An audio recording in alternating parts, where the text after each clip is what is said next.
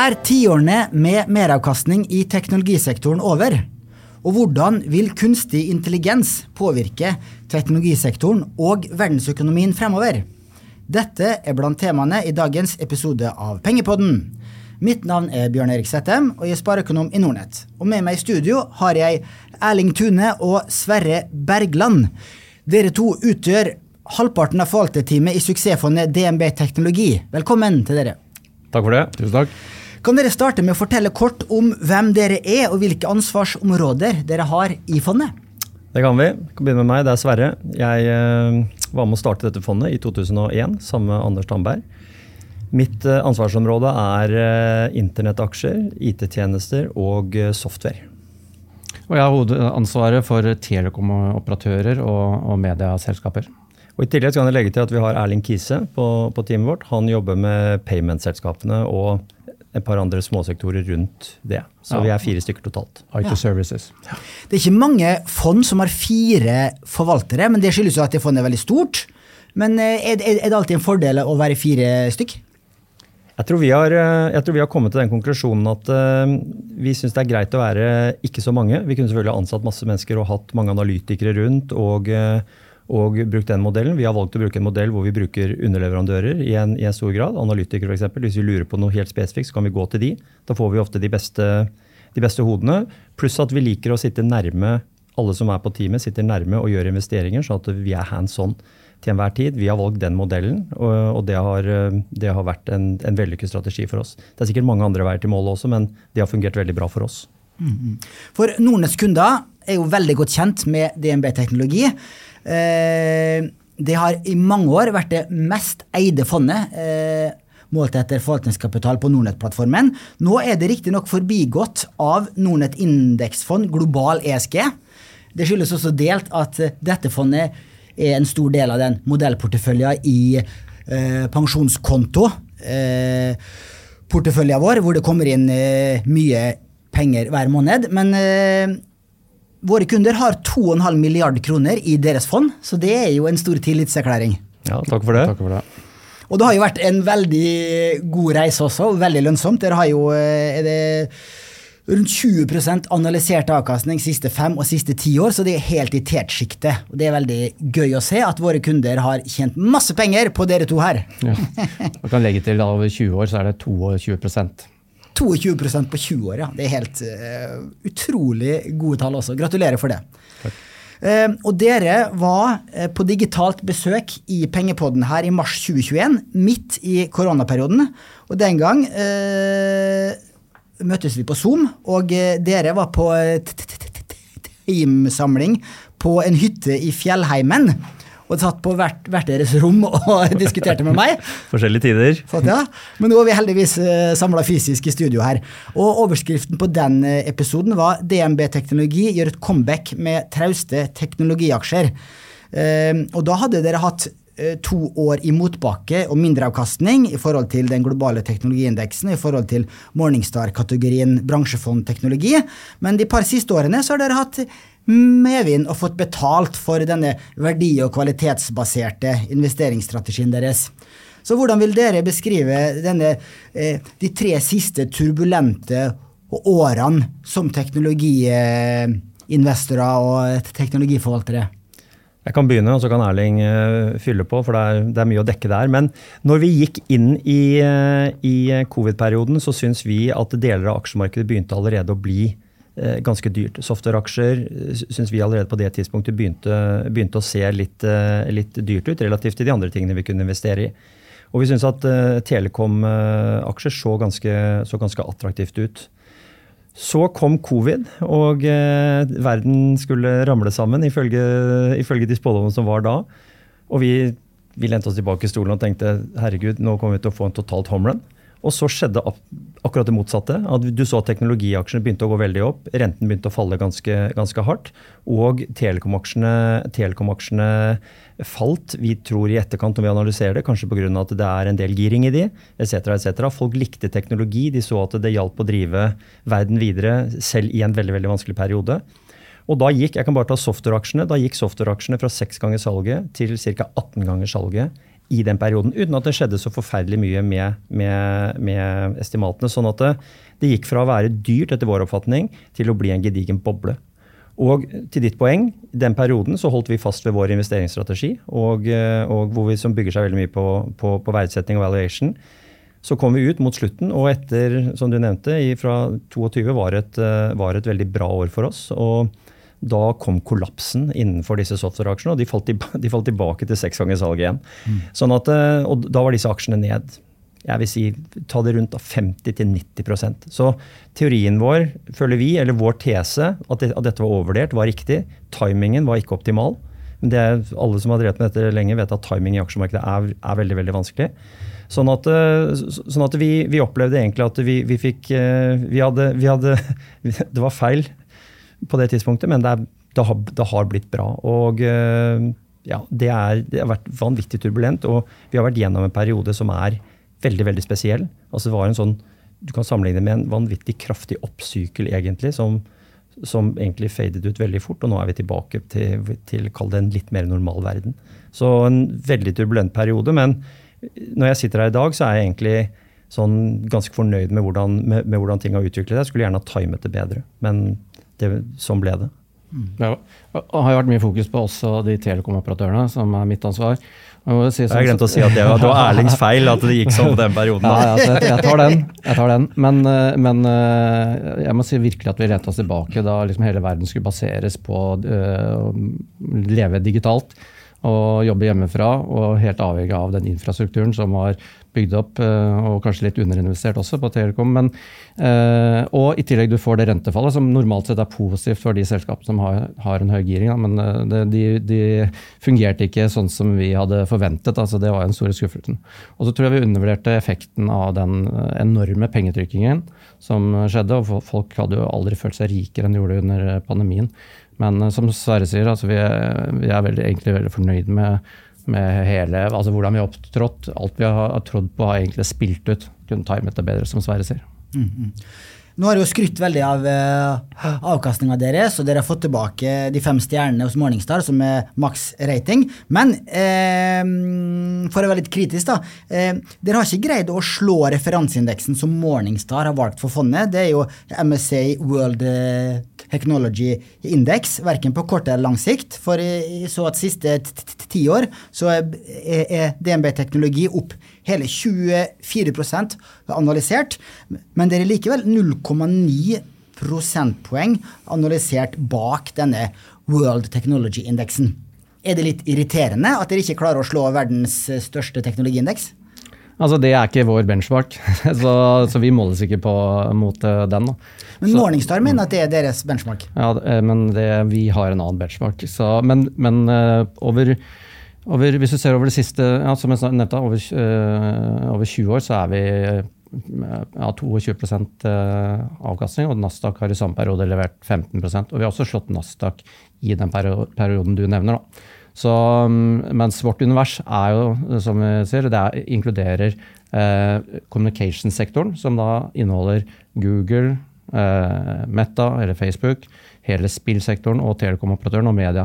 Så, og, så den benchmarken vår har vi slått eh, i den perioden. Og hvor mye uh, utgjør denne communications-indeksen i deres referanseindeks? Ja, Den er vel på ca. 26 så, så, og av det så er, med, er Telekom er 6 eh, prosentpoeng, og media er 5 rundt der. Da. Så det er ikke sånn at vi at vi er noe telekom-operatørfond. Men vi, vi, vi, ga gass under pandemien. Eh, vi syns prisingen da var helt vill. Eh, så vi ble sittende med ganske mye operatører. Det spilte ganske bra ut i 2022. Eh, vi outperformet markedet med 11-12% i 2022. Og, og, mange av de operatørene som eide da, bidro til den meravkastninga.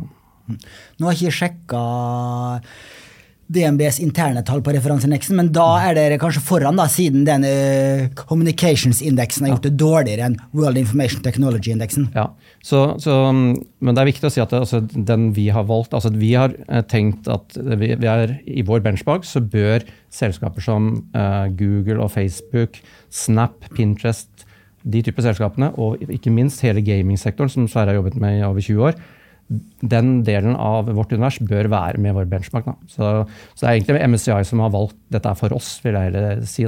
Mm, mm. Og vi tror at det er grunnen til at eh, man kan ha en diskusjon på hvordan, hva man måles mot og ikke. Men grunnen til at vi har valgt uh, å, å, bruke den TMT-indeksen, det er at vi føler at det er en, sånn, en rød tråd, en digitaliseringsrød tråd gjennom gjennom disse områdene som vi, har, som vi, har, snakket om nå, at det er store synergier mellom det.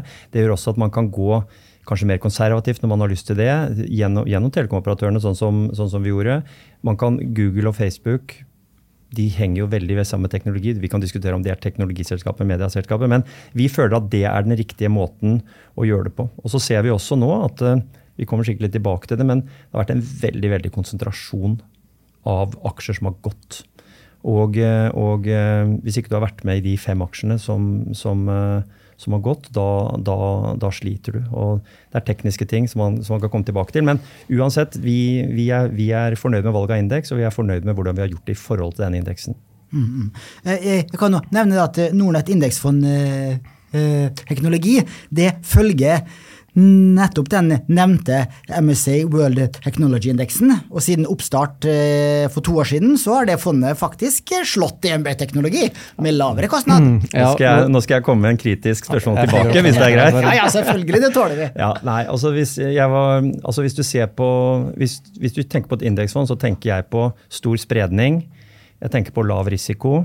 Det er det jeg opplever med, et, med et indeksfond. Når jeg ser på den indeksen du refererte til nå, så er 40% fra to aksjer. Og eh, det er da Microsoft og, eh, og, eh, Apple. Og da tenker jeg, Hvis du sitter med 40% i to aksjer, du får en enorm volatilitet. Du har fått lov å være med oppover nå. Og Hvis du tenker på et fond som vi har, for eksempel, som er et USITS-fond, hvor, hvor, hvor, vi er cappet på 10% av Vi kan ikke ha mer enn 10% av én aksje i fondet, og alle posisjoner over fem kan ikke utgjøre mer enn 40. Så det, hvis du henger sånn noenlunde med en teknologi, eh, en TMT-indeks i år, så har du gjort det veldig bra fordi at vi ligger med vi, Apple er 18 av indeksen vår, vi kan aldri ha mer enn 9,5. Google nei, Microsoft er 14, vi kan ikke ha mer enn 9,5. Så når de aksjene går, så vil vi per definisjon tape på det. Så, sånn at uh, det, er, det, er, det er forskjeller her. Men det må jo si, altså, du har valgt uh, mai uh, 2021. Det er jo litt tilfeldig valgt tidspunkt. Jeg kan velge et tilfeldig valgt tidspunkt altså fra desember samme år. Da. Så har vi slått dere med 15 så, Og du nevner også med noe lavere volatilitet. Jeg, jeg vil si at det er et veldig viktig poeng, dette med volatilitet. Uh, for det, uh, investorene våre ønsker lavest mulig volatilitet. Og vi hadde en drawdown på, i den perioden på 11 og dere hadde en, drawdown på 25% så, så jeg syns at um, det er Man skal også se den risikoen, eller det avkastningen med hvilken risiko man har tatt. Ja, Det er veldig godt poeng. Eh, her har dere gjort hjemmeleksa deres også, så det er bra sånt like. Og eh, jeg kan nevne det at eh, Jusitsfond har jo som regel et krav om at eh, de ikke kan investere mer enn maks 10% i et selskap. Men for indeksfond så er det et unntak. De kan investere mer enn 10% og derfor har du da er det nesten 20 i Apple. Mm. Eh, og det samme med Nordnett indeksfond Norge, som følger OBS-indeksen, som har over 20 i Equinor. Mm.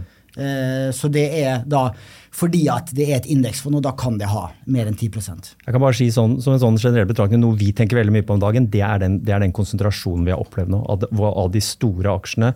Hvis du ser på Microsoft, du ser på Apple, kan se på Meta, Google, de utgjør en, en ganske stor del. Og, vi, og, hvis du ser på antall aksjer som har outperformet hvis du bare ser på antall aksjer, glem vekter og sånn, så er den, den ligger på et historisk lavt nivå nå på, på aksjer som underperformer benchmarken sin, sånn at du har en konsentrasjon. Og den er skummel. Det er veldig gøy når det går opp. Men hvis det, hvis det snur, så er det, så er det sånn, sånn, på indeksnivå et problem. Vi kan, faktisk sånn, vi kan faktisk velge nå ikke eie Apple, ikke eie Microsoft, hvis vi ser andre attraktive investeringer som på relativt sett ser bedre ut. Hvis du sitter i indeksfondet nå, så får du lov å være med opp. Og da må du være med ned, hvis, hvis det skjer. Og siste poenget mitt før vi går videre, det er at eh, hvis du ser på listen over de ti største tech-selskapene går tilbake til 2000, så er det vel egentlig ett igjen. Det er Microsoft. De andre er der, men de har underperformance. Så man skal være, man skal ikke, det er ikke dermed sagt at det er ikke slik at de aksjene som har gått de siste to årene, er de som kommer til å være kanskje vinneren om fem, ti, Jeg har vært med lenge nok til å vite at de listene snur seg litt, og det skal man være ydmyk for. Nei, Det er gode poeng, det. Men eh, så er det jo de fleste undersøkelser viser jo at indeksfond slår aktive fond i gjennomsnitt over tid. Eh, Det skyldes hovedsakelig pga. lavere kostnader. Mm. Men eh, absolutt. eh, Det er ulemper med indeksfond også, men eh, selv er jeg en ivrig eh, forsvarer da, av indeksfond, spesielt hvis man er en eh, langsiktig sparer som ikke er så interessert i å følge med og bruke tid på om den aktive forvalteren gjør jobben sin. Fair enough. Vi skal over til investeringsstrategi. Ja. For, for, uh, hvordan vil dere oppsummere investeringsstrategien til DNB Teknologi? Jeg kan begynne. Vi, er, eh, vi, er, eh, vi bruker fire, egentlig fire pilarer når vi, når vi investerer. Vi ser på det tematiske. Vi ser på value creation. Så ser vi på momentum, og så ser vi på valuation. Og For å begynne i motsatt rekkefølge, valuation er veldig viktig for oss. Eller verdivurdering. Vi kjøper ikke noe eh, bare fordi at eh, det er hot eller, eh, eller vokser fort eller et eller annet. Det må være fundamentert i en verdivurdering som vi klarer å på en måte få til å, få, få til å henge sammen. Så ser vi på det tematiske. Det er veldig mange som har investert i teknologi pga. det tematiske. Og det er vel det tematiske som har vært med på å gjøre teknologi til en så spennende sektor over så lang tid. Det bidrar til produktivitetsforbedringer, og vi tror det, det, har, det har skjedd, og vi tror det kommer til å skje videre. Så ser vi på value creation, som er på hvordan ser industrien ut? Er selskapet nummer én, to, tre? Hvis du er i semikonduktor og er nummer fem, så kommer du aldri til å tjene noe penger. Vi ser på styresammensetning, vi ser på management. Vi har lang erfaring nå. Vi kjenner igjen navn, vi vet hvem som gjør det bra hvem som gjør det dårlig. Og så ser vi på momentum, og når vi prater om momentum, så tenker ikke vi på momentum i aksjekurs, vi tenker på momentum i businessen. Hva, hvordan ser det ut de neste tre månedene, seks månedene? Vi prøver å være smarte rundt det. Og for oss så er det egentlig timingen i, i, i investeringen. Man, vi prøver å time det så, så smart som mulig. Så sånn, Optimalt sett så vil vi ha en aksje som er i en tematisk veldig sterk trend. Ser bra ut industrimessig, bra management-team. Vi ser at det ligger bra ting sånn i, i tidsmessig. Og aksjen er attraktivt priset. Det skjer ikke så veldig ofte, så vi må gi og ta litt. Men valuation-biten for oss er på en måte ankeret i, i det vi driver med. Eh, Og eh, hva er turnover eller omløpshastighet i porteføljen? Mitt inntrykk er at de fem posisjonene som er på topp for to år siden, er omtrent der i dag òg. Altså, vi, ruller porteføljen ca. én gang i året. Eh, eller to ganger hvis du regner hvert bein. Altså, eh, men det er jo som du sier, det er jo ikke sånn at du ikke kjenner igjen porteføljen fra ett år til et annet. Så vi, vi tar jo og trimmer posisjonene litt opp og ned. Så, um, så, ja, så derfor er, vil du kjenne igjen porteføljen fra ett år til et annet, stort sett. da. Hvor mange eh, selskaper er det i porteføljen? Det er vel 40 40-50 var- varierer, men, eh, men eh, eh, ja, så, så, så rundt der. Og vi er jo interessert i det relative mellom aksjer. Det er jo egentlig det vi, vi, eh, vi driver med. Og hvis en aksje går 10 ikke noe ny informasjon, så tenker vi da er den posisjonen 10% mindre interessant relativt til mye annet vi kan ha. Så, så det gjør den turnoveren. eh, Og mange vil nok tenke at det er litt høy turnover, men vi tenker at det er veldig bra å ha en høy turnover, fordi at det da det viser at du er aktiv, det viser at du på en måte følger med på det relative spillet mellom, mellom aksjer. Så ja. Det er jo da en slags rebalanseringsstrategi der, da, at du kjøper altså, du, du selger aksjer som har øh, gått og, og overraskende mye, og så kjøper du i aksjer som har gjort det relativt svakt. Helt riktig. Så, og det makes no sense at hvis, altså når hvis en aksje har gått uten at det er noen ny informasjon, at du skal ha ø, altså bettet vil øke organisk. Så det er naturlig å selge av eh, når, når risk reward har blitt litt dårligere, så er det naturlig å trimme bettet litt. Mm. Mhm. Så dere, ikke, dere blir ikke bare sittende på en vinneraksje eh, helt til en snur? Nei, og det, og det er lærlingspoeng, da. Hvis du kjøper en aksje, la oss si at vi har 5% av fondet i den, eh, i den aksjen, og så dobler den aksjen seg. Eller la, la, oss den- la oss si det bettet går til, eller den posisjonen går til, går til 8% og det ikke har kommet veldig mye, nye, eh, veldig mye nyheter som skulle forsvare det.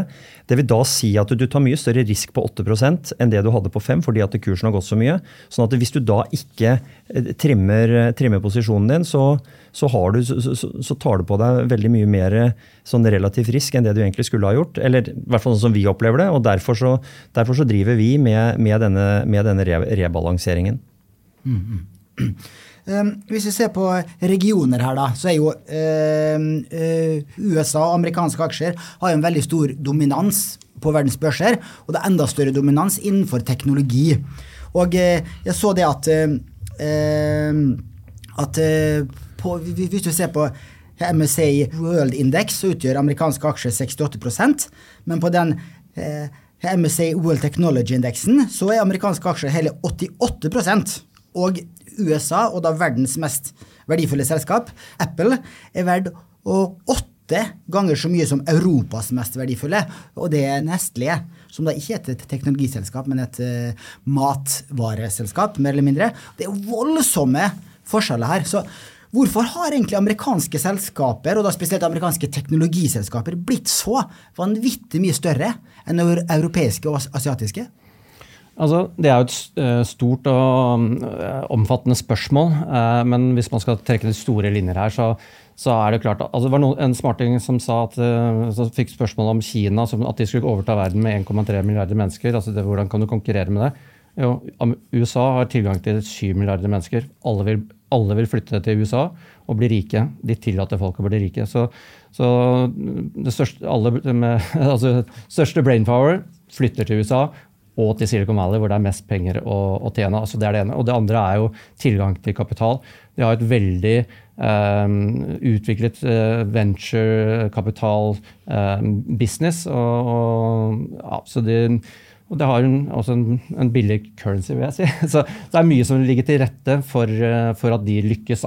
Og det, både tilgang til kapital og tilgang til mennesker. Så vi har fått disse clusterne med, med, med teknologi som, som, folk søker seg til. Også, du sa tilgang på kapital, men de har tilgang på langsiktig kapital. Og det er utrolig viktig. De, de, de står løpet. Og, og, de selskapene som ikke, som ikke funker, de blir, de blir, lagt ned. Mens de som faktisk funker, de blir veldig veldig store. Så hvis du har tilgang på kapital, skoler og brainpower, og folk har lyst til å være der, så blir det, så blir det bra. Europa det er mange som hiver kjepper i hjulene på folk der. Altså, sånn at liksom, du, du, har ikke alltid fått den dynamikken som du, som, du, som du, kanskje skal ha. Så det er vel eh, Så er de flinke. De står på og jobber knallhardt. Så det er en tøff konkurrent å ha. Og vi, oppfølger vel egentlig også at EU eh, e er litt for reguleringskåte sammenlignet med USA. Så, så det stikker også noen kjepper i hjulene til europeiske selskaper. Mm. Og eh, eh, eh, det med stabile rammebetingelser for næringslivet er jo kjempeviktig. Det har vi sett i Norge her også, så vi har slitt litt med det siste året. Og skal ikke kimse av det også. Hvor viktig er det at næringslivet har gode vilkår for vekst og satsing? Det er ja, ja, du kan invitere meg på en ny pod, så skal jeg dele synspunktene mine. Men, men ja, Vi skal ikke dra den for langt, og vi skal ikke være for politiske heller, men Norge kunne vært Sveits. Vi er ikke noe Sveits. Det, det blir dessverre ikke det. Men eh, tilbake til fondet. For dere har jo undervekt i USA med en andel på 58 eh, ifølge Morningstar i hvert fall. Og det er mindre enn både verdensindeksen og World Technology Index. Og dere har en overvekt i Europa med 32% mens, uh, mens Asia utgjør resten på, med rundt 10 så dere har likevel valgt å ha en undervekt i forhold til referanseindekser? Mm. Vi, vi, ser veldig lite på de over- og undervektene geografisk. fordi det sier mye om hvor listingen er, og kanskje litt om corporate governance, som er viktig. Eh, men, eh, men mange av de selskapene, også de europeiske, jo, har jo global eh, business. og så, så liksom, Sånn som Deutsche Telekom, som er nå en liten del av fondet, de har en stor amerikansk eh, virksomhet, og vi kjøpte en aksje egentlig på basis av den virksomheten det er i USA. Så, så, så, så det geografiske footprintet er egentlig ikke så eh, spennende, og vi ser veldig lite på det. Vi har jo Sony, som er globale. Så, det, vi, vi, er ikke så opptatt av det. da.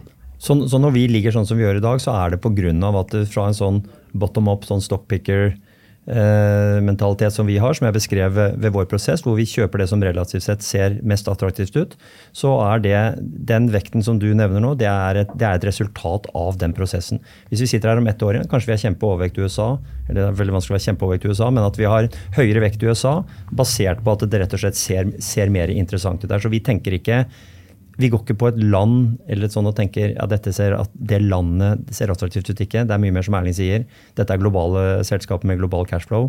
At de er listet i USA eller i Europa, det, det er ikke noe vi bruker mye tid på. Mm. Men du sa også at dere var veldig opptatt av verdsettelse og value creation. Mm. Eh, er også en forklaring på en undervekten i USA at amerikanske selskaper er høyere verdsatt enn eh, europeiske og asiatiske? Ja. Det, er, det, det korte svaret på det er ja. Sant. Mm. Eh, litt om største posisjonene i fondet. Eh, kan dere nevne de fem største posisjonene, og hvorfor dere liker disse spesielt? Jeg begynner. Også, største posisjonen i fondet vårt er, eh, er Microsoft. Og den har vi eid så lenge jeg kan huske.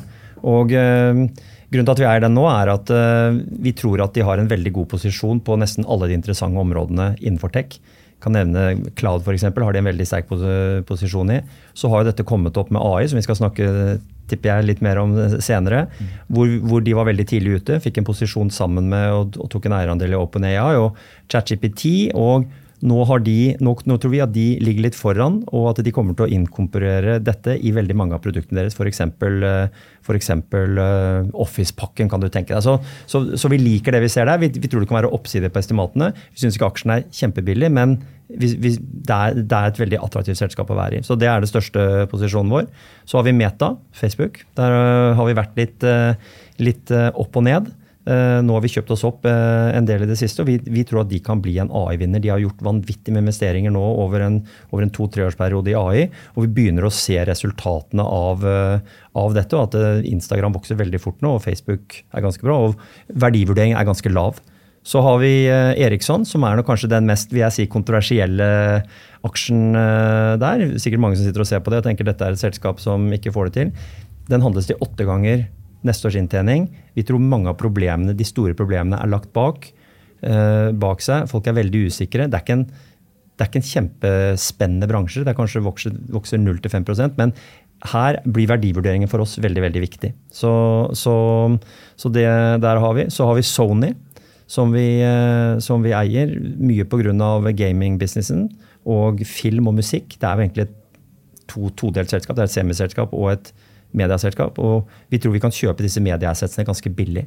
Så vi, vi, liker det selskapet. Siste er Google, eh, som vi har vært også litt sånn opp og ned i. Nå, nå tenker vi at eh, eh de tapte vel mediekrigen mot Microsoft. De har kommet litt tilbake.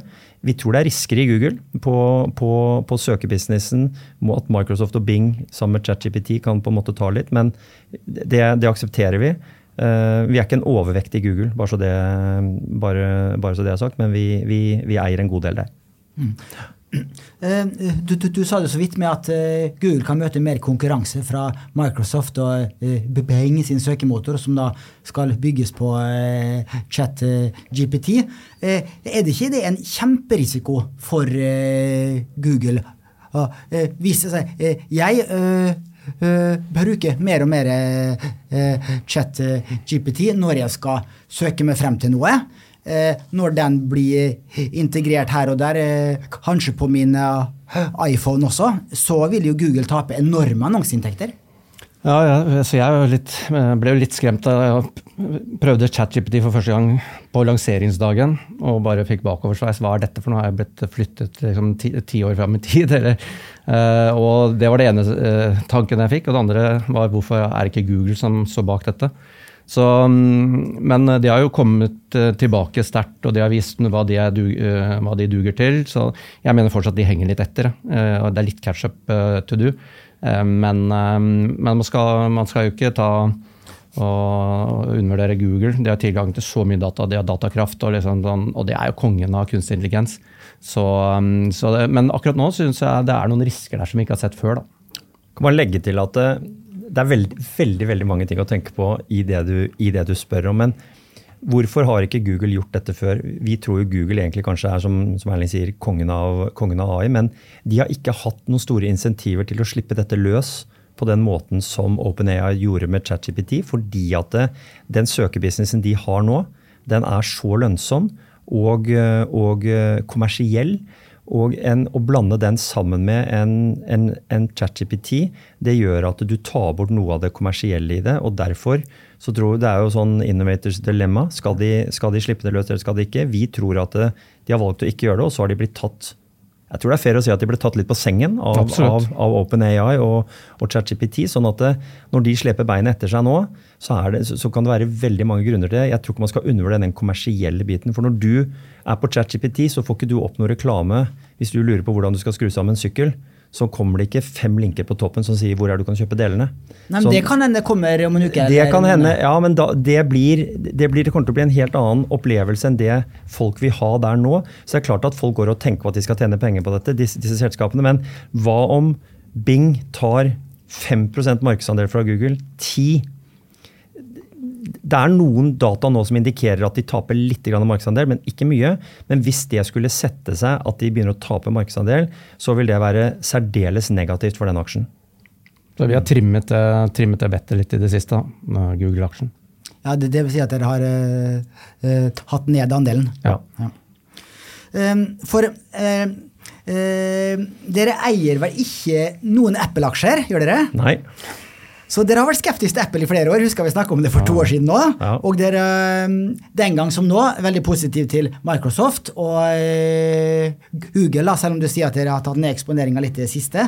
Eh, det har ikke lønt seg spesielt det siste året, siste tre, siste fem år med det veddemålet der, for at Apple har, gjort, har steget enda mer enn Microsoft og uh, Google.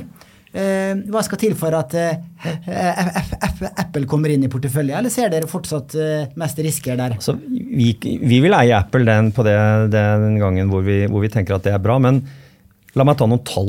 Hvis vi, hvis vi ser på, hvis vi ser på, fem års, på femårshistorikk bare på, bare på topplinjen, så, Microsoft, så tror jeg Apple har vokst rundt 8% per år. Microsoft er vel på 14, tror jeg. Se på earnings, så er tallet noenlunde det samme.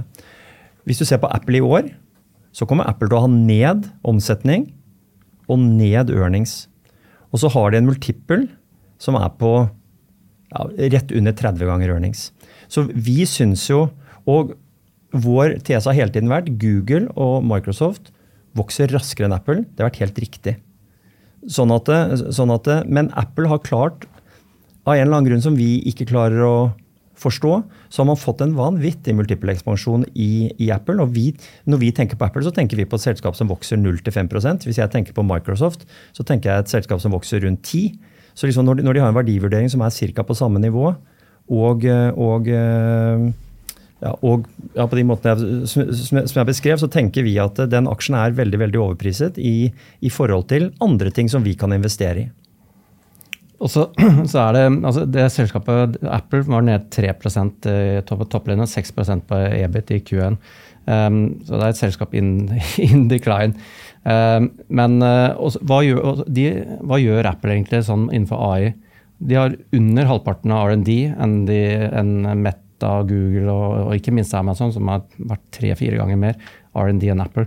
Tim Cook fikk spørsmål på den siste callen her nå om AI. Virket som han skjønte spørsmål, som en sånn gammel bestefar som hadde hørt om liksom, AI eller ChatGPT. Altså, så, så, Bra han ikke kan norsk. Men, ja, altså, men, men, nei, men, men altså, jeg tror jo den aksjen den er Folk rømmer litt i den, det er trygt. Og så, eh, hvis det er lov å si, dette med eh, buckets, indekser alle skal ha AI, og Apple er en stor aksje i, i disse indeksene, så den blir løftet opp av, av, passive penger. Er det lov å si det? Vi tror det. så, ja. Interessant også at ja. uh, dere er fortsatt negative til verdens mest verdifulle selskap, og at den, det ikke er et vekstcase lenger, da, men har uh, fallende omsetning. Men de har jo veldig høye marginer, så uh, faller også overskuddet da? Eller klarer de å styrke marginene sine sånn at overskuddet stiger likevel? Jeg tror vel at det, eller det, er jo en, det, er jo ikke, det er jo ikke et selskap som har en operasjonell veldig høy Det er jo ikke så høye bruttomarginer der, sånn at de vil kunne tåle en, en omsetningsnedgang kanskje bedre enn, enn et selskap som Meta for eksempel, med 70-75 bruttomargin. Men uansett, hvis omsetningen faller der, så tror jeg at, så tror jeg at earnings kan komme ganske mye ned. Vi, vi tror earnings der ser veldig optimistisk ut eh, på sånn kort til medium sikt. Og på lang sikt så tenker jeg at da, så, så vi, sa, vi tror dette er et selskap som vokser kanskje 0-5 og at du får 27-28 ganger earnings for det. Da kan, vi kan kjøpe 10% vekst til en tredel av den multiplen andre steder. Så liksom, det er, eh, det er, eh, det er liksom ikke det er ikke noe vi lurer på engang akkurat nå. Vi føler oss ganske trygge på det. Men uh, famous last words. Men, uh, var det, om det var Warren Buffett eller Charlie Munger som sa at de kjøpte Apple da de så, da de så eh, hvor mye iPhone betydde for vennene deres. De ville omtrent miste sin venstre arm mm. eh, istedenfor å miste sin iPhone. La meg minne deg på at de kjøpte IBM også. Det var, en, altså. det var den første tech-aksjen de kjøpte, men greit. Ja, ja. Holmod står for fall, Sverre. Det gjør det, men uh... Så bra. Vi møtes gjennom to år, skal vi se hvem som uh, har rett. Jeg har ikke sterke synspunkter på det, men interessant at du vedder mot verdens største selskap og verdens beste investor. Ja. Uh, litt om utsikter fremover. For da vi snakka sammen for to år siden, så spurte jeg dere om dere trodde renteoppgangen ville punktere oppgangen for teknologiaksjer. Og da svarte dere at dere ikke var spesielt opptatt av eh, eh, renteutviklinga, og at mye av produktivitetsveksten i samfunnet har kommet fra nettopp teknologisektoren, og det forklart, kan forklare mye av meravkastningene de siste ti tiårene. Og så la dere til at eh, IT-sektoren, inklusive Telekom, har blitt så stor. Det er rundt 30% av verdens børsverdier var og er. Eh, og at derfor man kan forvente at denne store sektoren vil levere i tråd, mer i tråd med det generelle markedet fremover. Eh, nå, i dag, da, eh, rundt to år senere, så kan vi si at, at teknologisektoren, målt ved MSA World Technology Index, har klart renteoppgangen bra. For det fortsetter jo å stige utover 2021 etter vi eh, møttes sist, men fikk jo en skikkelig korreksjon i 2022. Da falt jo teknologiindeksen med rundt 30% som var omtrent det dobbelte av verdensindeksen. Og så har jo sektoren fått en skikkelig comeback i år, eh, hvis du ser på både Nasdaq og MSA World Technology med en oppgang på rundt 20% som hadde det dobbelte av verdensindeksen. Hvordan vil dere beskrive utsiktene til den globale teknologisektoren nå? Altså, vi eh, Det har aldri vært mer spennende å jobbe med tech. Altså, Så lenge jeg har vært der, jeg har vært der i 15-16 år, så er dette den mest, periode, eh, mest spennende perioden jeg har vært eh, borti. Og føler også at det er mange som er litt i villrede på liksom hvordan verden ser ut om, om fem år, og det syns jeg er spesielt morsomt. Og det, alt henger sammen da med AI, selvfølgelig. Så, så, nå skjer ting veldig fort, eh, og det er utrolig spennende å, å følge med. Samtidig så, og jeg vil si at um, tech-aksjer er jo ikke dyrt, egentlig. Sånn i hvert fall Hvis du sammenligner med 2000, så er det ikke noe, det ikke noe boble. Uh, men det er også samtidig dette som vi snakket om, en konsentrasjon. Altså hvor disse large cap-selskapene har fått utrolig medvind og fått veldig Eh, godt betalt, eh, og spesielt i år. Da. Og Det er sikkert AI som har drevet det, og jeg, jeg, tror noe er rettferdig. Men folk skiller ikke blant de store selskapene. Liksom, bare, man kjøper helt vilt, eller litt blindt. da. Man skal ha tech og AI, så man ser man ikke at det er veldig stor forskjell på de eh, store selskapene også. Så, mm, så, mm, så det er vel sånn bilde, sånn grovt sett, sånn som vi ser på det. Ikke dyrt, høy konsentrasjon blant de store navnene. Og så ser vi også at venture, spesielt de som uh, har tørket, tørket, opp, altså selskaper som ikke tjener penger i dag, uh, og som skal ha liksom runde tre, runde fire finansiering, det er litt sånn dødt. Altså. Men de som er startups men, uh, på innenfor AI, der sitter pengene løst. Der, alt blir finansiert. Så um, det er vel stort sett bildet. Jeg vet ikke om det er noe mer å legge til. Jeg kan bare legge til at, som du nevnte, så har jo så tenker vi at tech har outperformet så mye som det har gjort over mange år pga. at det bidrar til den produktivitetsforbedring som man har sett. Så har man kommet til en sånn Moores law har vært veldig viktig her. Eh, og der har man der, Jeg vet ikke om man er ved veis ende der, men man har kommet ganske langt ned på, hvor mye man kan få ut av den, eh, ut av den sitronen. Sånn at med AI nå Det kan godt være at det er den nye vi tror jo det. At det, sånn, det, er det som kommer til å drive produktivitetsforbedringer i, i årene fremover. Så, og det er jo som Erling sier, det er ut, utrolig spennende. og Jeg tror alle som har lekt litt rundt med, disse, med dette, klarer å tenke seg til at det er veldig mange områder hvor du kan få enorme produktivitetsforbedringer ved å, ved å inkorporere dette i det. Så som for tech på det, på det, brede, så vil jeg si på sånn, eh, så vil si over medium eh, her nå, så er vi ganske optimister på hvordan det ser ut. Det har vært et ganske tøft løp i år. Har, altså sånn, man er opp ganske mye i år allerede, så en del av dette har jo blitt på en måte diskontert inn. Og det, som Erling sa, det er veldig, det er veldig sånn snevert, eh, snevert marked. Men det som skal drive tech over de, over de neste tiårene, hvis du vil, det, der er det ting på plass nå som kan, som kan være med på det. Det en naturlig overgang til eh, dagens andre tema, nemlig eh, kunstig intelligens og eh, hvordan det vil påvirke eh, teknologisektoren og verdensøkonomien. Eh, for eh, dere har jo sett på bruken av eh, kunstig intelligens i veldig mange år. Eh, Siden 2014 sa dere her eh, da vi møttes sist, og eh, nå har det jo tatt virkelig av da eh, den språkroboten ChatGDP ble lansert i fjor høst. Og eh, eh, bruker dere eh, kunstig intelligens i arbeidshverdagen deres, og på hvilken måte? Altså, eh, vi alle gjør det ubevisst ved å bruke Google og søke. Altså, altså, men, men jeg drar opp eh, ChatGPT, eh, først, først Bloomberg og så ChatGPT. Og folk skjønner ikke ennå hvor, hvor effektivt det verktøyet er. Og folk har ikke betalt de 20 dollarene det koster for å få den siste versjonen. Altså, eh, Den kan skrive rapporter for deg, den kan svare på alle mulige spørsmål hvis du skal, hvis du skal lære noe om noe. Altså, Bruksområdet er bare helt uh, enormt. Um, så, så jeg, jeg bruker det på daglig basis, litt sånn som du var inne på. Uh, ja. Og, og ikke minst, ikke minst de uh, text-to-image-produktene som Midjourney er jo, er, jo, er jo nesten magisk. Så det bruker jo mye i, hvis man skal lage presentasjoner osv. Der du kan skrive 'lag et uh, bilde av uh, en robot i solnedgang'. Ja, Også, nei, så, så ChatGPT eh, For eksempel, altså vi følger jo 500 selskaper. og Det er mye å holde styr på.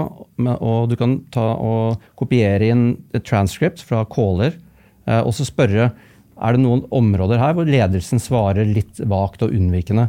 Og så plukker den ut uh, de områdene hvor det er litt, altså litt unnvikende svar. Um, vi bruker til rapporter, altså hvor eh, ja, han en kollega uh, sendte en rapport han har skrevet, en månedsrapport. Så puttet jeg den inn i ChatGPT og så sa her er mine kommentarer tilbake. Uh, uten noe redigering. Og så sa han dette er altfor bra. Da begynner folk å lese månedsrapporten vår. Det kan vi ikke. altså, det Bruksområdet er litt sånn mind-blowing, egentlig. Så du vil anbefale meg å betale 20 dollar i måneden for den betalbare versjonen, for nå bruker jeg den gratis gratisversjonen, og så leste jeg at du kan betale litt for å få full versjon, da går det raskere, du får eh, prioritet, men det er ikke bare at det går raskere, men du får da bedre og mer utfyllende svar. Og flere Mye bedre. Og, og, og folk som er mye på hjemmekontor og skal late som de gjør mye, de må jo kjøpe, altså betale de 20 dollarene.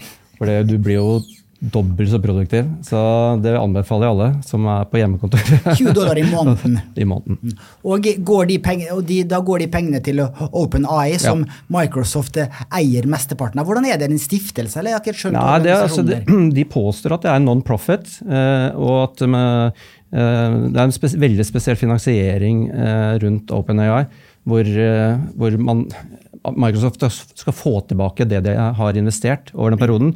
Eh, og etter det så er det tilbake til non-profit. Så det er litt sånn eierskap der. Folk sier at de eier 50 eh, Det stemmer, er vel ikke helt riktig. Du og Sverre, hvordan bruker du eh, Nei, mye, mye Erling er jo den som har brukt det mest på teamet vårt og satt seg mest inn i det. Men vi, jeg også bruker det på langs de linjene som, som Erling snakker om. Og det er jo det er utrolig, et utrolig enkelt verktøy å lære ting på. Hvis, hvis, hvis du lurer på et eller annet, bare, så, får en, så får du en veldig grei eh, forklaring på hvordan det er. Hvis du gjør det Gud, altså Søk er jo også veldig bra, men du, er f- du føler at dette blir en enklere og og, og mer effektiv måte å gjøre det på. Så er dette, dette er forskjellig fra søk. Man, man, man må ikke glemme det, men, men utrolig effektivt. Og, og bruksområdene er enorme. Jeg må bare legge til også Ole Jakob Wold hos oss. eh, Han er jo en litt sånn uh, datanerd i tillegg til en flink forvalter. Så, så han har jo fått tak i de eh, API-ene til uh, GPT4 og inkorporert det i sine månedsrapporter. Altså den, den uh, skriver automatisk Eller den kan jo egentlig skrive dagsrapport om den vil. Om vi, folk ønsker en dagsrapport. Så det er under utarbeidelse, men jeg har sett det og er veldig imponerende. Det er kult. Ja. Artig. Og eh, min kollega Roger, som dere hilser på i sted, han sier jo at han bruker chat eh, flere timer om dagen, og det har blitt hans nye bestevenn. Mm. Så du har fått en ny bestevenn, du også? Absolutt. Jeg, jeg elsker, elsker bestevennen min.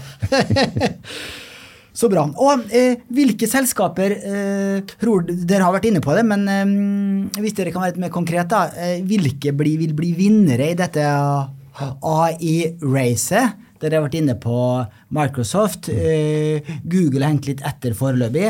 Eh, Apple ganske fraværende. Men er det andre eh, vinnere dere ser på? Det, det, åpenbare har jo vært så langt har jo vært hardware-selskapene. Hvis du ser på Nvidia, AMD.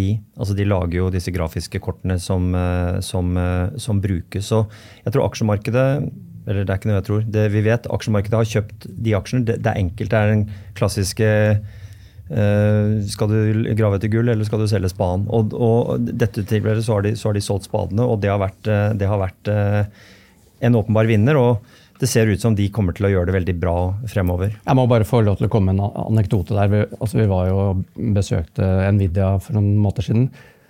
CFO så hun kommer da og låser opp døra for oss nærmest i verdens største sånn campus. det er ingen folk på campus alle sitter og, og, jobber hjemme. Og når vi er ferdig med møtet, så, så låser hun døra og går. så, så, bare er, Folk er ikke tilbake på jobb i, i Silicon Valley. Folk sitter fortsatt uh, hjemme, da, inkludert CFO i Nvidia. Men vi, altså, vi kommer fra det møtet med at der går ting bra. Uh, det er ikke noe å lure på. Altså, estimatene er nok altfor lave. Det, det, tror vi nok. Men det er også en ekstremt dyr aksje. da. Ja, For dere har ikke den, i hvert fall ikke som topp ti-posisjon i fondet? Nei, vi har ca. en halv vekt, i, eh, så det vil si at vi har en to ja, 2,5 tror jeg. Ikke skyt meg på det tallet, men det er, det er rundt der. ja. Så, det burde dere hatt mer av, da, for den har jo gått eh, nesten 100 i år. Ja, burde hatt mer av den. Men, vi var eh, nede i 2000, nei, 2022, da var den ned, ned 40. var det. Altså, det er ikke bare å eie en aksje altså, liksom, fordi alt går bra. Det er forskjell på aksjer og selskaper. Så, mm, så, det må man huske på. da. Men det er klart at den har vært fantastisk nå fra bunnen opp. Men etter det møtet for noen måneder siden, mm. eh, vekta dere opp, da? Ja, da hadde vi, hadde vi trimmet uh, en del, og så, så, vekta vi opp igjen. Uh, det stemmer. Mm. Så, så, så det, og, og, så tror jeg man skal si at vi, vi tror Meta kan være, veldig, kan være, en veldig, bra aksje å eie i dette AI-spillet, eller Facebook, for hvis folk blir jeg ikke klarer helt å skille mellom de to. Det gjør ikke jeg selv heller alltid. Men uh, fordi at de har investert veldig mye i AI, og de bruker uh, Det virker på oss som om det har begynt å hjelpe veldig på de, på de tjenester som de leverer. Se på Instagram, nå vokser veldig veldig fort. Fordi at de, den skjønner mye mer hva du har lyst til å se på, hva, hva du er interessert i. Så vi, vi, tror den er bra. Vi tror åpenbart Microsoft er bra, uh, fordi at vi tror de har fått en sånn en tidlig start, da, og at det nå kommer nå kommer det, nå kommer det sånne co-pilots inn i alle produktene deres, tror vi, over en kanskje neste 12-24 måneder blir rullet ut. Hvis de klarer å øke prisene sine i takt med det, så kan det se veldig bra ut. Bing er egentlig en opsjon. Kanskje det, kanskje det går, kanskje ikke, men det, det, blir bra. På tapersiden så har vi Ja, det er, det er, kanskje jeg som har det i mitt univers. eller på, på, Kanskje på mediasiden publishing. Uh, vi hadde den eventen her. Altså, la meg nevne uh, at vi, også i forbindelse med at vi var i, i uh, San Francisco og Silicon Valley, så var vi hørt på Sam Altman, som er sjefen for OpenAI, som, som står bak ChatGPT. og han, han, nevnte at hans mål er å, å skape AGI, altså en superintelligent maskin. Det er hans mål. Men på veien så har han lagd en advokat, en doktor og en lærer. Eh, og jeg tror ikke det var tilfeldig at han nevnte de tre yrkene som han på en måte eh, eh, tror at han er i ferd med å disrupte. Fordi de maskinene de lærer på public, offentlig informasjon. Og innenfor de yrkene så er, er, alt på en måte public, også av regulatoriske årsaker. Da. Så, og så fikk vi jo den eventen med dette læringsselskapet Chegg, som hvor du, et fantastisk fint, eller bra selskap med, som, hvor du kan eh, få leksehjelp. Masse oppgaver innenfor alle mulige temaer. Hvor, hvor CEO sier at de er eh, blitt disrupted av ChatGPT. Folk bruker ChatGPT istedenfor. Og, og da er det naturlig å tenke seg hvilke andre selskaper er det som, som liksom er innenfor da, legal, eh, eller på advokatområdet, software der. Um, og, og, der finner vi noen europeiske selskaper. Også både Pearson innenfor læring, eh, Walters og Reed uh, innenfor det altså legal-systemet. Så, så, så, det pågår en enorm debatt uh, der ute uh, på hva, hva, slags effekter dette får for de type selskapene. Så vi tror altså de, Alle de selskapene har nå hatt presentasjoner og forsvart seg mot liksom, chat-GPT-storyen. og Det er det gjort på en god måte, men jeg tror at, over tid at de skal få et problem. Mm. Så tror jeg man på alt som har med kreative ting, tenker på produksjon av videospill, produksjon av filmer, alt det. Er det en trussel, eller er det en mulighet? Jeg tror For kort sikt så er det helt klart en mulighet for at du kan bruke dette, dette verktøyet til å på en måte forkorte ned utviklingstid og den type ting. Over tid, hva, hva, hva vil det avstedkomme? Det er, veldig, det er, veldig, vanskelig å si, men uh, vi tror på sånn kort sikt her så, så kan det være en sånn veldig sånn produktivitets, uh, produktivitetsgevinster å, å, hente ut. Så ja, vanskelig. Ja, bare, hvis vi skal dra det litt lenger, da. Uh, så, så, så, tror jeg også det kan være disruptive for, for TV-bransjen. media, altså filmbransjen. hvor jeg tror faktisk det kommer til å være mulig i overskuelig framtid, kanskje en tre til fem år, at du setter deg i sofaen og så ber om en film eh, med, med, Sverre Bergland i hovedrollen og Scarlett Johansen. Eh, og gjør den eh, En romantisk komedie, da. ja, og så skal den være 30 minutter lang. For allerede i dag så kan du lage manus og være kreativ. Uh, og video, altså tekst og video finnes jo allerede. Uh, så det er bare liksom compute power, så, så er det mulig. Så, um, så, det tror jeg faktisk kan være mulig i en sånn, en sånn uh, ja, kanskje tre til fem års sikt. Mm. Jeg vil gjerne at Siri skal snakke bedre norsk, for jeg har endelig funnet en funksjon hvor du kan eh, lese opp eh, den teksten som står på skjermen. Men det er dårlig norsk, og det er ganske slitsomt å høre på referat fra eh, fra FAU-møte og hytteforeninger og sånn eh, når Siri leser opp. Altså De som leser inn eh, til lydbøker, de har mista jobben i løpet av tre, tre uker eller noe sånt. tror jeg. Sant, ja. Ja. Da ser jeg frem til at Siri kommer inn oppgradert. det, sier, ja, men det forteller deg litt om hvor Apple er, altså hvor langt tilbake de ligger på, på dette med investering i kunstig intelligens, hvor dårlig Siri er. Ja. Så, så, det sier noe. Faktisk et godt poeng. Um, og så um, vet vi jo det at, at um, at uh, når det er en hype, uh, når uh, veldig mye penger skal inn på kort tid, så blir det ofte en boble som smeller på et tidspunkt. ser dere at vi får en AI-boble her? Store, to store selskaper som Nvidia og Meta har steget 80-90% hittil i år. Mye på grunn av denne AI-hypen. Skal man være forsiktig nå? Jeg tror at uh, av, litt mindre selskaper så, så, er det ikke så veldig mye eh, som er mulig å investere i AI nå. Det er, det er mye av de store selskapene. for det, eh, det, er mye på venture og, og sånne ting, så, du har ikke sett det. Men vi tror jo at uh, det er en indirekte effekt på type Apple, Microsoft, alle disse, at de har fått betalt litt pga. AI-friends friendsen som er der nå, for folk har lyst til å eksponere mot det pga. de tingene som vi har snakket om her nå vi er jo personlige veldig optimistiske med, med tanke på dette. Så, liksom, vi, så, du kan godt skjønne at mange andre har lyst til å gjøre det, og så sliter man litt med å finne alternativer. Og så har man gått i kanskje de store aksjene. Så jeg, vi tenker jo at eh, selv om ikke ja, verdiverdien på Nvidia er veldig høy, eh, selvfølgelig. Men hvis du ser på de andre, altså, vi, Apple syns vi er, har jo snakket om synes vi er høy, men det er, det er jo ikke avskrekkende verdivurderings på Meta på 20-gangeren, Google på 20-gangeren. Microsoft på 30, Apple litt lavere. Der. Det er liksom ikke sånn, du blir ikke helt, får ikke helt bakoversveis av det, men den konsentrasjonen som du har sett, eh, og eh, hvis ting skulle roe seg litt, så er det, så er det selvfølgelig risk. Men jeg vil, ikke, jeg, jeg vil, ikke, på noen som helst måte kalle det en boble. Det, det, det er ikke det vi kjennetegner. Det som skjedde i covid med software-aksjen når det gikk fra 6-gangersalget til 18-gangersalget, det var en boble. Mm. Dette her er ikke det, men det er kanskje det er mye optimisme, og det, og det har blitt tatt ut ganske mye over en kort periode, så det skal man ha i bakhodet. Da skal vi over til siste del. Jeg, har, eh, jeg la ut eh, en eh, melding på Twitter før helga hvor jeg, jeg sa at jeg skulle møte dere i dag. Og om de lurte på noe relatert til det med teknologi og teknologisektoren. Og jeg fikk nærmere 20 spørsmål. Nå har jeg plukka ut rundt halvparten av det.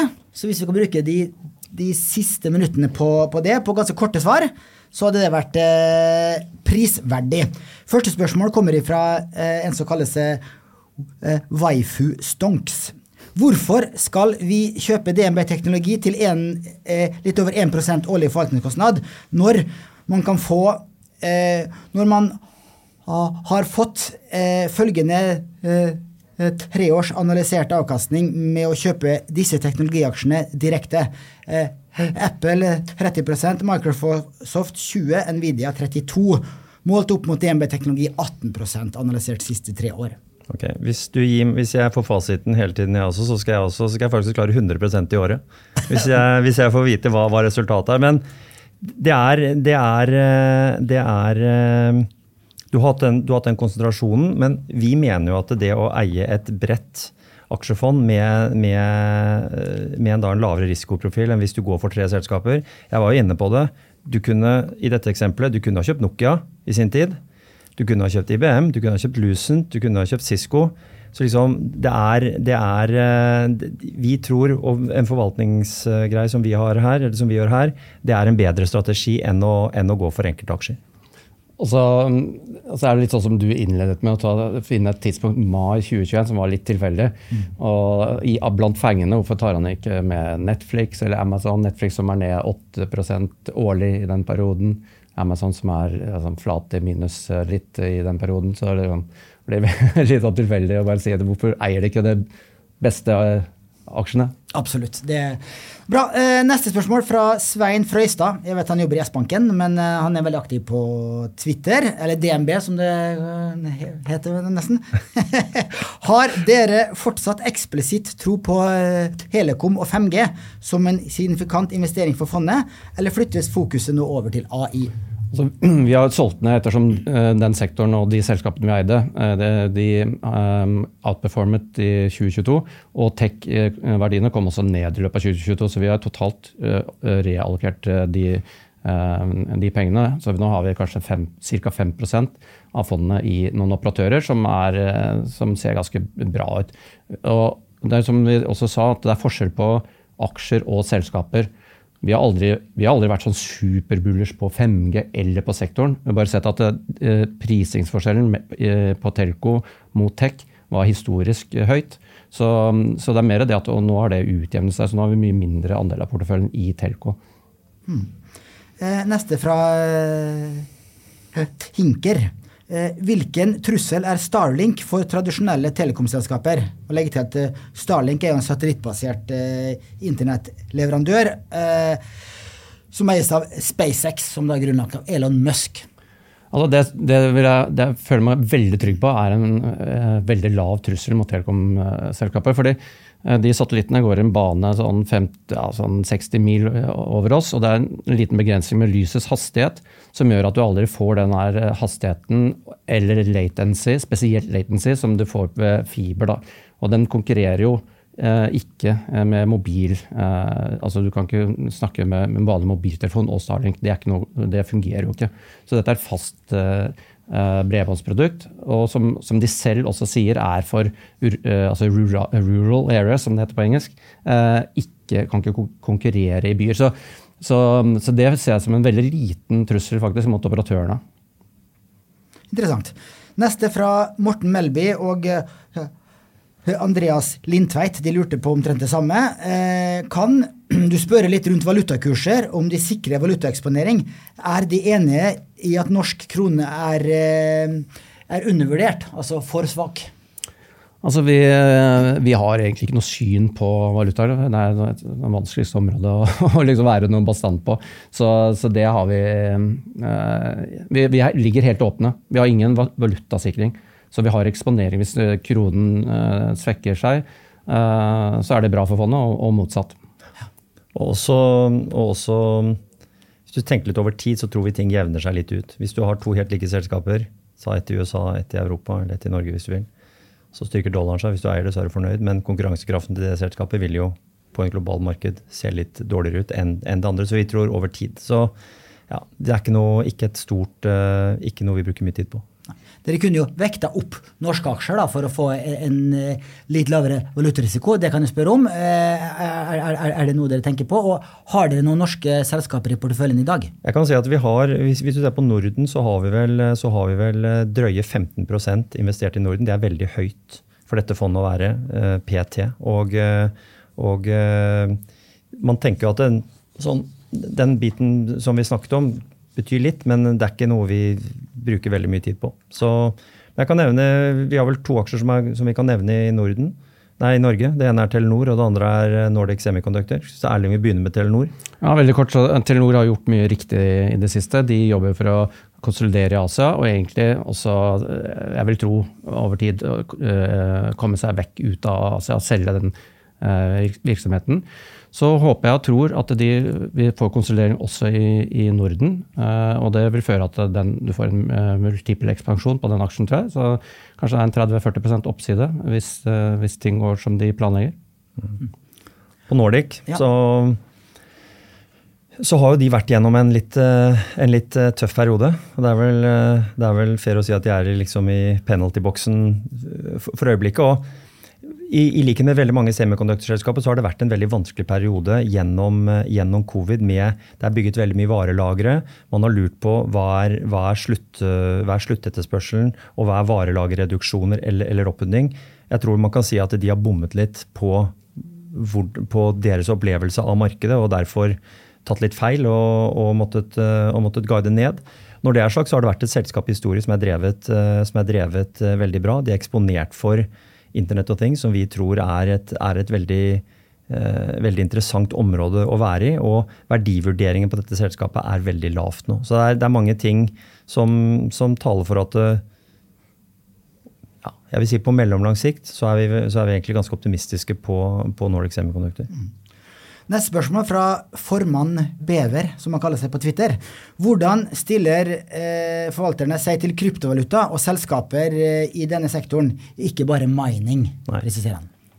Jeg tror vi snakket om krypto forrige gang òg, og det, er vel, eh, det er vel fair å si at eh, vi aldri har vært noen, eh, noen eh, sånn store, store forkjempere for, for krypto. Jeg registrerer at det, er, det, er et volatil, eh, det er et volatilt instrument, og, eh, og eh, vi har egentlig latt det være med, med det. Og ikke, heldigvis så har ikke vi måttet eh, ta noen sånne store, store posisjoner på det.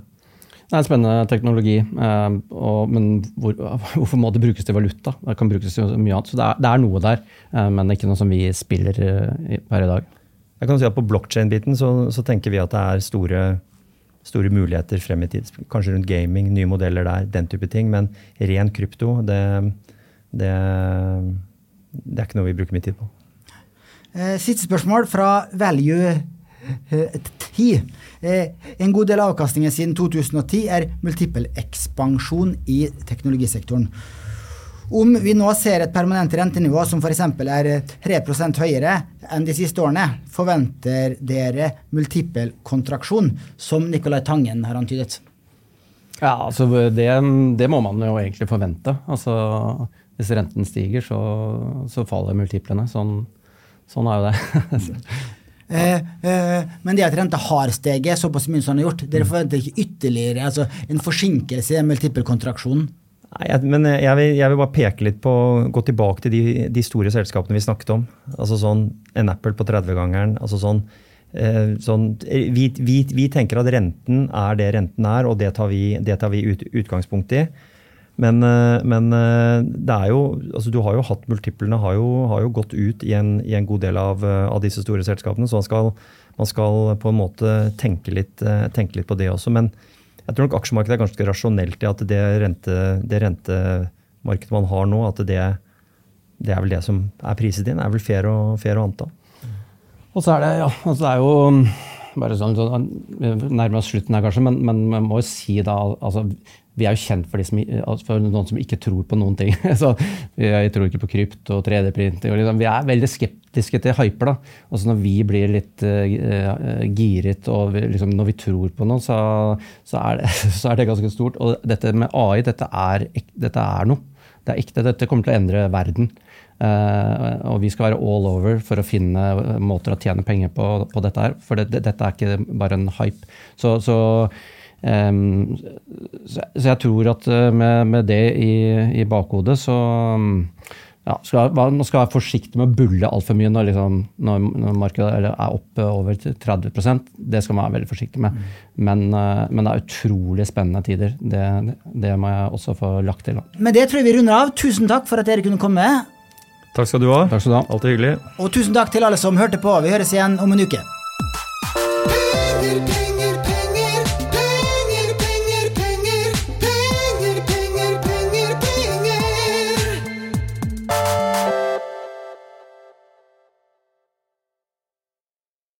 Denne podkasten skal anses som markedsføringsmateriell, og innholdet må ikke oppfattes som en investeringsanbefaling.